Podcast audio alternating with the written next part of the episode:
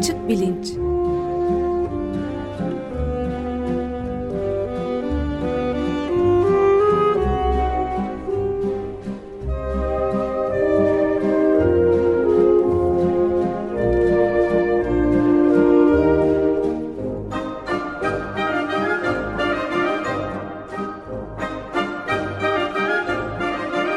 Güven Güzeldere ile bilim ve felsefe sohbetleri.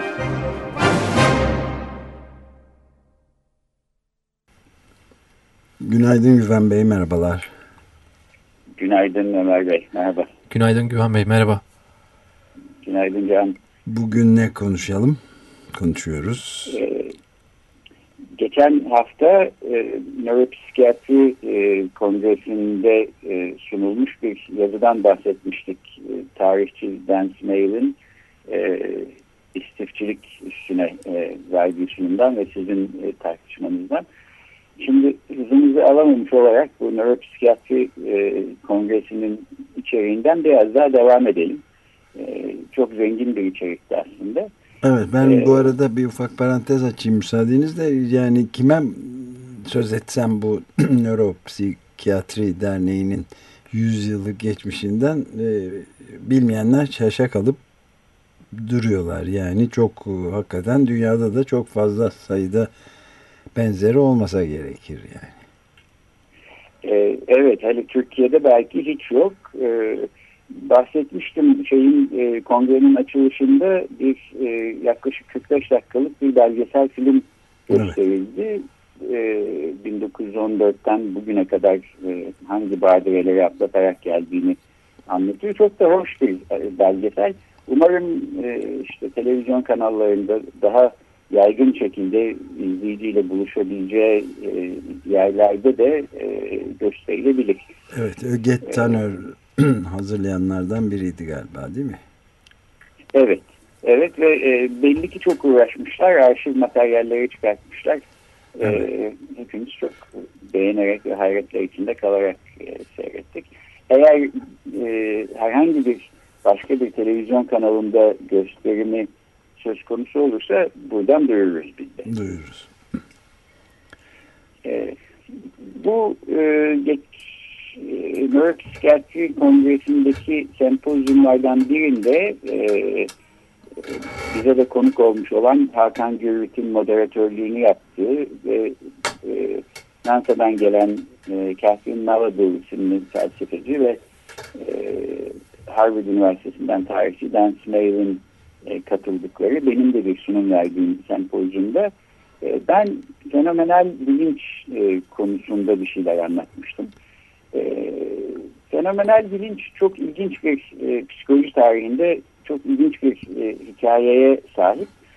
E, fenomenal bilinci çalışan e, psikoloji okulu bir anlamda psikolojiyi ilk kez e, felsefeden ayırıp e, metafizikten ayrı e, nesnel yöntemlere sahip bir bilim olarak tesis etmeye çalışan e, bir psikoloji okulu. Fakat e, bilim tarihinde eşin önemli e, görülmemiş bir şekilde e, yaklaşık 5-10 sene içinde e, yerle bir olup e, yerini davranışçılık diye bir başka psikoloji okuluna bırakıyor. Bu davranışçılık okulunun e, en büyük reklamcısı diyeyim. Bunu da aslında e, bilinçli bir şekilde söylüyorum. Çünkü bu işi yapan e, adam bir süre sonra e, akademiyi bırakıp reklamcı olarak çalışmaya başlıyor. John Watson isimli bir e, psikolog var. Daha sonra e, John Watson'ın açtığı yoldan da e, B.F. Skinner e, isimli Harvard Üniversitesi'nin işte en ünlü psikoloji profesörlerinden birisi e, davranışçılığı son derece e, egemen hale getiriyor psikolojide ve davranışçılıktan başka hiçbir şeyin esanesi okunmaz hale geliyor. Bir e, 50-60 yıl en azından.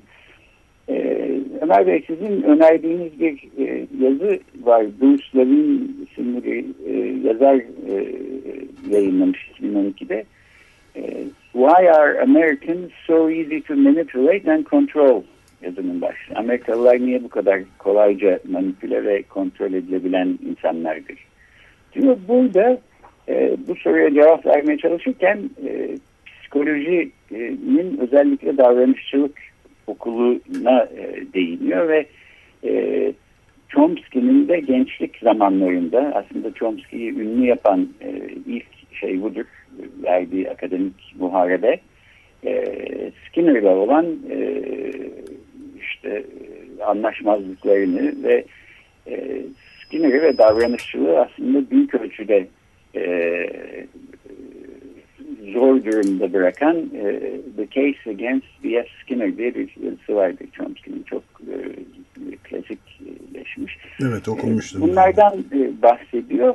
E, bu girişin yani bu haftaki girişin ardından gelecek haftada belki bu yazıya bakarız ve Amerikalılar niye bu kadar manipüle ve kontrol edilmesi kolay insanlarmış. Bunun psikoloji tarihindeki e, açılımını e, tartışırız diye düşündüm. Evet çok iyi olur. Levin tabii onu Amerikalılar için esas olarak kaleme almış bu kısa özlü bir makale ama e, itiraf etmek gerekir ki bu reklam dünyasının büyük egemenliği altındaki bütün gelişmiş dünyada çok etkili olduğu söylenebilir bu görüşün yani.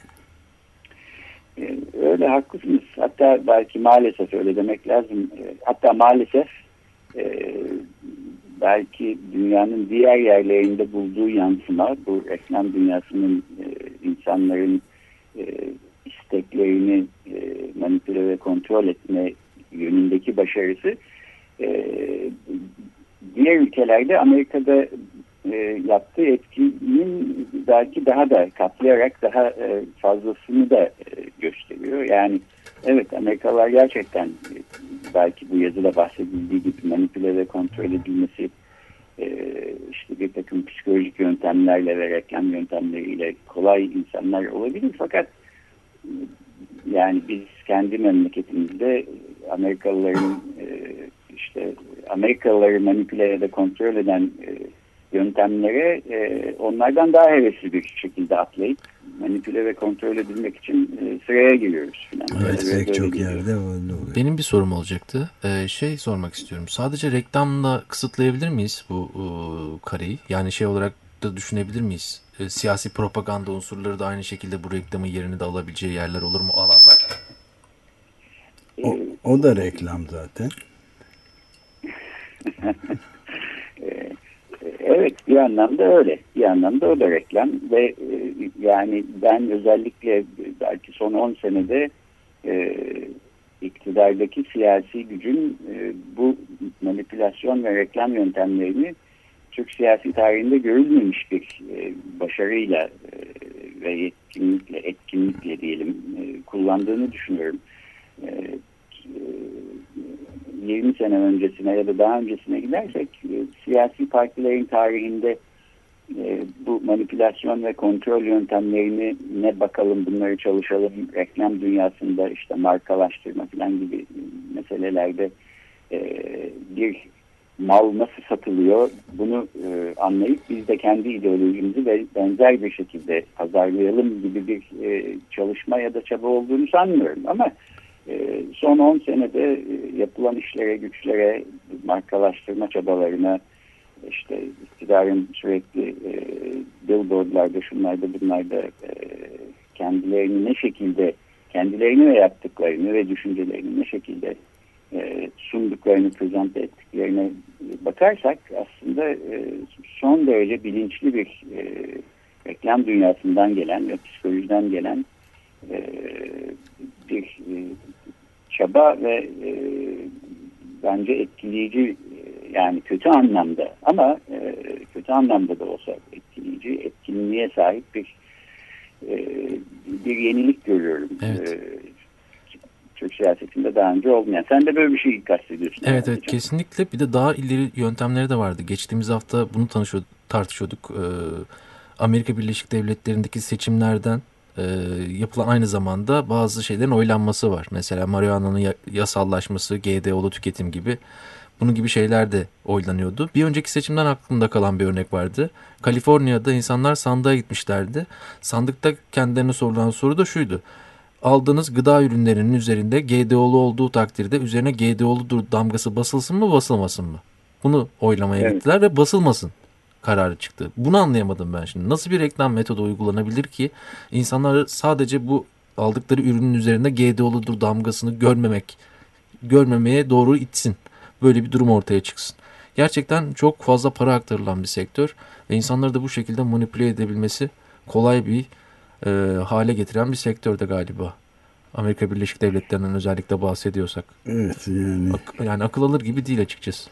Aslında hepsi birbirine bağlanıyor yani çok zamanında almak istemiyorum ama yani Dan Smale'ın yaptığı bu e, ısrarcı ne diyorduk ona compulsive hoarding yani istifçilik zorlayıcı istifçilik zorlayıcı istifçilik ya da istiflemecilik de tamamen böyle bir şeyin e, ürünü zaten böyle bir propagandanın sonucu olarak ortaya çıkıyor. Tamamıyla demeyeyim ama büyük ölçüde etkilendi filan diye de anlatıyordu.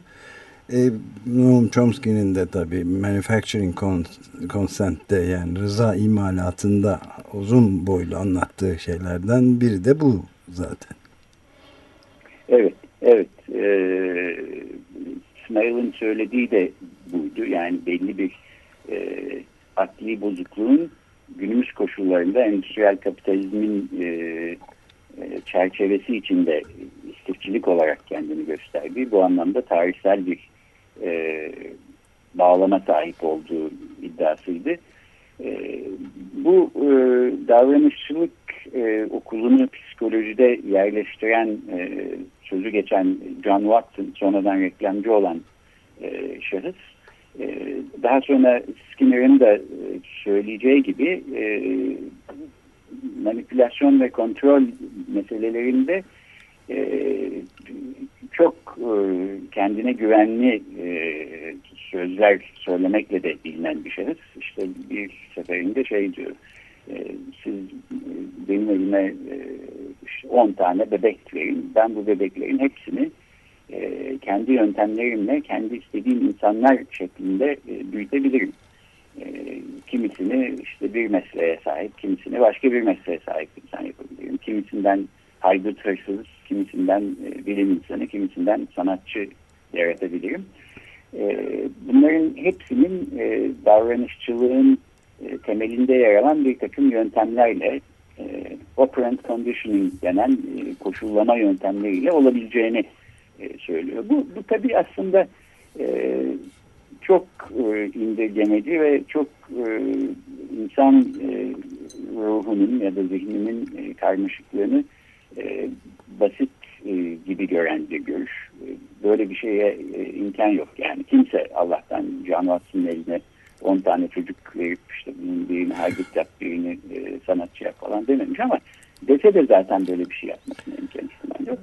Fakat Watson'ın belki başarısı da biraz burada e, hiç yapamayacağı şeyleri e, bu davranışçılık okulunun çerçevesinde yapabilirmiş gibi e, sunmayı da beceriyor ve bu e, introspectionism denen e, davranışçılıktan önce yer alan e, psikoloji okulunu bu şekilde sahiden bir 10 sene içinde ders kitaplarından falan çıkacak şekilde yani e, neredeyse bir darbe olmuş ve e, psikoloji kitapları yeniden yazılmış gibi çok e, Orwellian e, bir şekilde alt üst etmeyi beceriyor. E, çok da bağlamda, çok da para kazanıyor herhalde değil mi? John Watson bu işlerden. Vallahi yani bu, bu kısmından bir e, para elde ediyor mu bilmiyorum. Bir şöhret elde ettiği kesin. Ee, daha sonra reklamcılıktan para kazanıyor. Evet, evet akademiyi niye bırakıp e, reklamcılığa gittiği de e, çünkü akademiyi bıraktığı zamanlarda işte bu kendi liderliğini, önderliğini yaptığı psikoloji okulu sonuç itibariyle e, en e,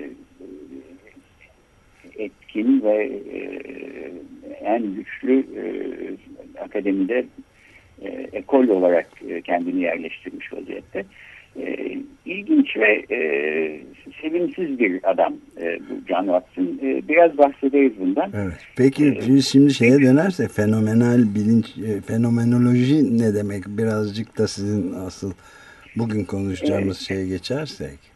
Evet doğru. Oraya dönelim. E, ben doktora tezimi de fenomenal bilinç üstüne yazmıştım. E, bu o esnada e, fenomenal bilincin e, tarihçesini de bir hayli çalışmıştım. E, bilinç konusundaki literatüre baktığımızda bir kere şöyle bir ilginç e, durumla karşılaşıyoruz. E, bir yandan e, bilinç nedir diye e, işte bu konuda yazmış çizmiş insanların e, yazılarına baktığımızda e, bilinci tanımlamaya gerek yok. Çünkü zaten hepimizin bildiği bir şeydir e, gibi cümleler var. Mesela Freud e, psikoanaliz e, e, derslerinde 1933'te yayınladığı e, bilincin ne olduğunu e, tartışmamıza gerek yok. Çünkü zaten hepimiz e, şüphe götürmeyecek kadar bunu biliyoruz diyor. E, yine 1800'lerin e, sonunda e, psikolojinin en standart hale gelmiş el kitabını yazmış olan e, George Stout diye bir e, psikolog var. O da e, bu el kitabında e, açıp e, bilinç e, hanesine baktığımız zaman e, bilinç gibi bir şeyin tanımını vermek imkansızdır. Çünkü zaten bilincin e, ne olduğunu hepimiz biliyoruz. Hepimiz bilince sahibiz falan diye böyle bir e, e, aslında e, kabul edilemeyecek bence e, bir e, tanım vererek geçiştiriyor. A priori Fakat, evet. E, aynı zamanda yani bir taraftan bilinci hepimiz biliyoruz. Öylesine ne olduğunu e, tarif etmemize gerek yok e, denirken e, ikide bir özellikle e, popüler e, bilim e, dergilerinde ya da haber dergilerinde işte Time'da, Newsweek'te ya da e, Discover dergisinde, Scientific American'da falan e, bilincin gizemi işte e, bilimin çözemediği en son, e, bilimin düşüremediği en son kale e, falan gibi başlıklarla e, her birkaç senede bir bilinç üstüne e, yazılar çıkar. E, bilim her şeye el attı, her şeyi anlayabildi. Fakat bir anlayamadığı, hiç e, nüfuz edemediği, hatta yakınından bile geçemediği bir mesele varsa o da fenomenal bilinçtir diye geçer. Bu ikisinin yan yana olması aslında çok ilginç.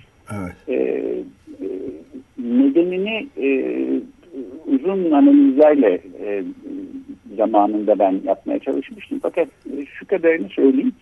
E, fenomenal bilinçte e, indirgenemeyecek bir şekilde bir öznel unsur e, var. E, bu öznel unsurun bilimin içinde yer alarak e, çalışılması kendi başına problemli bir mesele. Ve aslında e, introspection dediğimiz e, psikoloji okulunun e, sonunu getiren de e, bu meselenin çözümlenememesi e, oluyor. E, bana öyle geliyor ki e, bilincin bu e, öznel e, komponenti e, bir şekilde işte e, bilimin karşısında bilinci bir e, gizemli bir şeymiş, yanına hiçbir zaman yaklaşılamaz bir e, konuymuş e, gibi e, lanse edilmesine yol açan şey bu. E, ben öyle düşünüyorum. Şimdi e, bu şeyleri bir tarafa bırakıp peki ama bir tanım en azından bir operasyonel tanım yapalım dersek e, bilinci nasıl tanımlayacağız?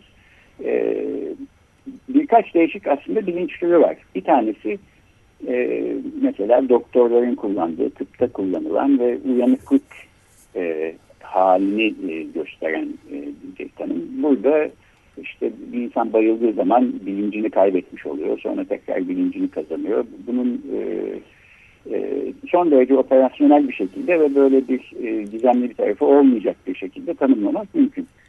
E, bilincin e, bir de e, siyasi anlamlar yüklü bir e, tanımı var. E, yani işte bir insanı bilinçlendirmek ya da e, feminist bilinç ya da işçi sınıfı bilinci falan gibi bir şeyden bahsettiğimiz zaman bu da başka bir fenomenal bilinçten farklı bir e, bilinç tanımı. E, bir de öz bilinç diye bir şey var. Self consciousness. Bu da e, işte bir bireyin kendisini e, etrafındaki diğer e, bireyler ve koşullarla e, koşullarla ilişkili olarak tanımlaması, kendi yerini tespit etmesi, kim olduğu hakkında bir fikir ve kavram sahibi olması falan gibi bir şey. E, bunların üçü de aslında fenomenal bilinci tam karşılayan tanımlar değil. E, dördüncü olarak bakacağımız şey fenomenal bilinç nedir diye baktığımız zaman e, e, şöyle bir şekilde belki tanımlamak e, gerekir. E, dünyanın bize duyu organlarımız şeklinde e, gözüktüğü özellikleriyle e, e, sahip olduğumuz bir farkındalık hali. E, bundan da ne kastediyorum birazcık daha açmaya çalışayım. E, biyolojik e, canlılar olarak e, dünyadaki pek çok e, e, fiziksel enerji cinsine e, belli şekillerde cevap veriyoruz. Yani e, elektromanyetik enerjinin e, bir kısmı e, işte fotonlar aracılığıyla gözümüzden e, girip retinamıza oradan e, görsel korteksimize ulaşıyor ve dünyayı renkler ve şekiller halinde görmemize, algılamamıza yol açıyor. E, havadaki bazı dalgaları e, kulaklarımız vasıtasıyla ses olarak duyuyoruz.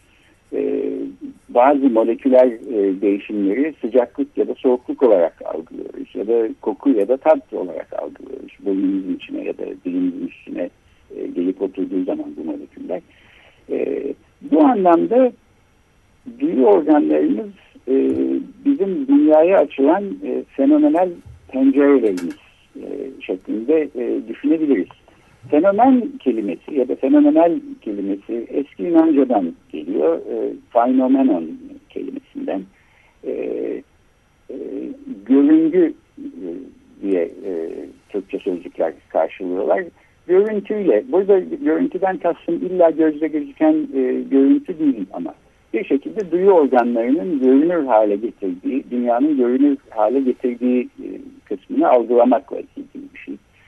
E, bu anlamda e, renkler, tatlar, kokular, e, sıcaklık ya da soğukluk e, bu e, duyumlar dünyası e, fenomenal dünyayı oluşturuyor. Fenomenal bilinç de bu e, duyumlar dünyasının e, tamamı gibi düşünülebilir. E, burada belki e, en önemli olan nokta şu, e, ondan bahsedeyim. E, bu tartışmanın sonunu e, getirecek vaktimiz kalmayacak ama haftaya devam ederiz. Devam ederiz, evet. E, Galile'nin yazılarıyla başlayıp 16. yüzyılda, 17. ve 18. yüzyılda aydınlanma süresince de kabul edilen ve gittikçe kuvvetlendirilen bir bir ayrım var. Birincil ve ikincil nitelikler ayrımı. Bu ayrım şu, bunu ilk başta Galile aslında çok güzel bir şekilde ortaya koyuyor. Diyor ki dünyada ne tür özellikler bizim bilimle çalışabileceğimiz, bilimsel yöntemle çalışabileceğimiz, dünyanın ne tür özellikleri, nitelikleri var. Bunlara baktığımızda bir e, birincil özellikler diye ya da birincil nitelikler diye adlandırdığımız nitelikleri görebiliyoruz. E, bunlar e, bizim duyu organlarımıza bağlı olmayan e, nitelikler. Yani bambaşka duyu organlarına sahip canlılar da gelse e, dünyada mesela kaç tane nesne var e, diye sayacak olsak onlar da biz de aynı e, sayıda bulacağız. Ya da e, şekille, geometriyle ilgili özellikler, bu tür özellikler. Ama bunlara e, belki kontrast olarak düşünebileceğimiz renk gibi, tat gibi, koku gibi özelliklere baktığımız zaman e, bu özellikleri çalışmak için e, duyu organlarına ve duyu organlarının bize e, verdiği e, öznellik içeren e, bir takım bilgilere ihtiyacımız olduğunu görebiliyoruz. E, yani e, hep şöyle bir felsefi denebilecek bir soru vardır. E, kimsenin olmadığı bir ormanda bir ağaç devrilse bir ses çıkar mı diye. E, bunun cevabı hem evet hem hayır. E, e, bir ses algısı olmaz kimse olmadığı için bu dünyada. Dolayısıyla ikinci özellik diye e, tanımladığım e, ses algısının olmadığı bir dünya olurdu. Ama o ses algısına e, yol açacak bütün fiziksel özellikler, fiziksel olaylar e, meydana gelmiş olur o ormanda. Yani ağaç düşerken işte havada titreştirdiği titreşimler e, orada bir onu algılayacak canlı olsa onu bir ses olarak duyabileceği şekilde e, var olmuştur. Bu anlamda birinci özelliklerin olduğu, ikinci özelliklerin olmadığını e, söyleyebiliriz e, böyle bir durumda. Galile'nin de söylediği ve daha sonra aydınlanma döneminde de e, benimsenen görüş, bilimin e, bu birincil özellikleri çalışacak e, yöntemlerle ilerlemesi, ikincil özelliklerden uzak durması. Çünkü ikincil özellikleri yani içinde öznellik e, içeren e, özellikleri çalışmaya başladığımız zaman e, bir nesnenin renginden bahsediyorsak e, o renge yol açan o nesnenin e, e, özelliklerinin ötesinde sizin zihninizde yarattığı etkilerden de konuşmaya başlıyoruz. E, o zaman da peki bir domatese baktığımız zaman e, sizin zihninizde oluşan renk algısı benim zihnimde oluşan renk algısıyla aynı mı ya da farklı olabilir mi falan gibi epistemolojik e, zor sorular sormaya başlıyoruz. Evet. Galile'nin söylediği bu tür sorulardan e, uzak durmak mümkün. Hatta e, uzak durmak gerek. Birinci özellikleri çalışsın bilim. E, öznellik e, kıyıda kalsın. E, nesnel dünyayı nesnel bir şekilde çalışmak pek bilimin işi. Evet, burada e, süre dolduğu için artık devamını getiremiyoruz ama bu e, çok e, biraz indirgemeci bir anlayış gibi gözüküyor. Yani sırf materyal şeylere o zaman gözleri görmeyen, doğuştan görmeyen ve kulakları da işitmeyen Helen Keller gibi bir fenomeni mesela nasıl izah edeceğimiz de ayrı bir tartışma konusu olabilir belki yani. Hem önemli bir yazar hem dünya çapında bir aktivist. Emosyon yani bu adalet duygusu gibi etik şeyleri içermeyen bir konu. Yani çok ilginç aslında. Ama herhalde bunu da, bunun devamını bu sorunun da dahil olmak üzere haftaya konuşabiliriz. Evet belki burada pek çok e, sizin de dediğiniz gibi ilginç e, soru var. Yani bir soru öbürüne bağlanıyor. E, e, bu çerçeveyi belki e, çizmeyi haftaya bitiririz. Ondan sonra e, bu Skinner ve Watson e, ve Chomsky e, meselelerine döneriz. E, gidebildiğimiz kadar e, gidelim bu şekilde. Peki çok teşekkür ederiz Güven Bey. Ben teşekkür ederim. Hoşçakalın. Görüşmek, Görüşmek üzere. üzere.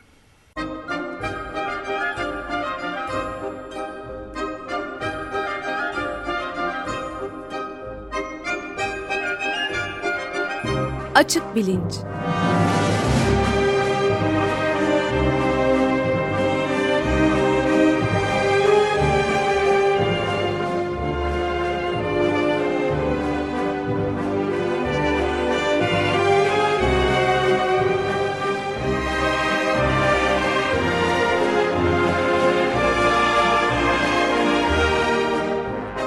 Güven Güzeldere ile bilim ve felsefe sohbetleri.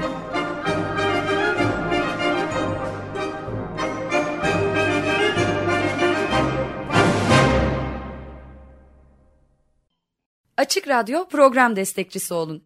Bir veya daha fazla programa destek olmak için 212 alan koduyla 343 41 41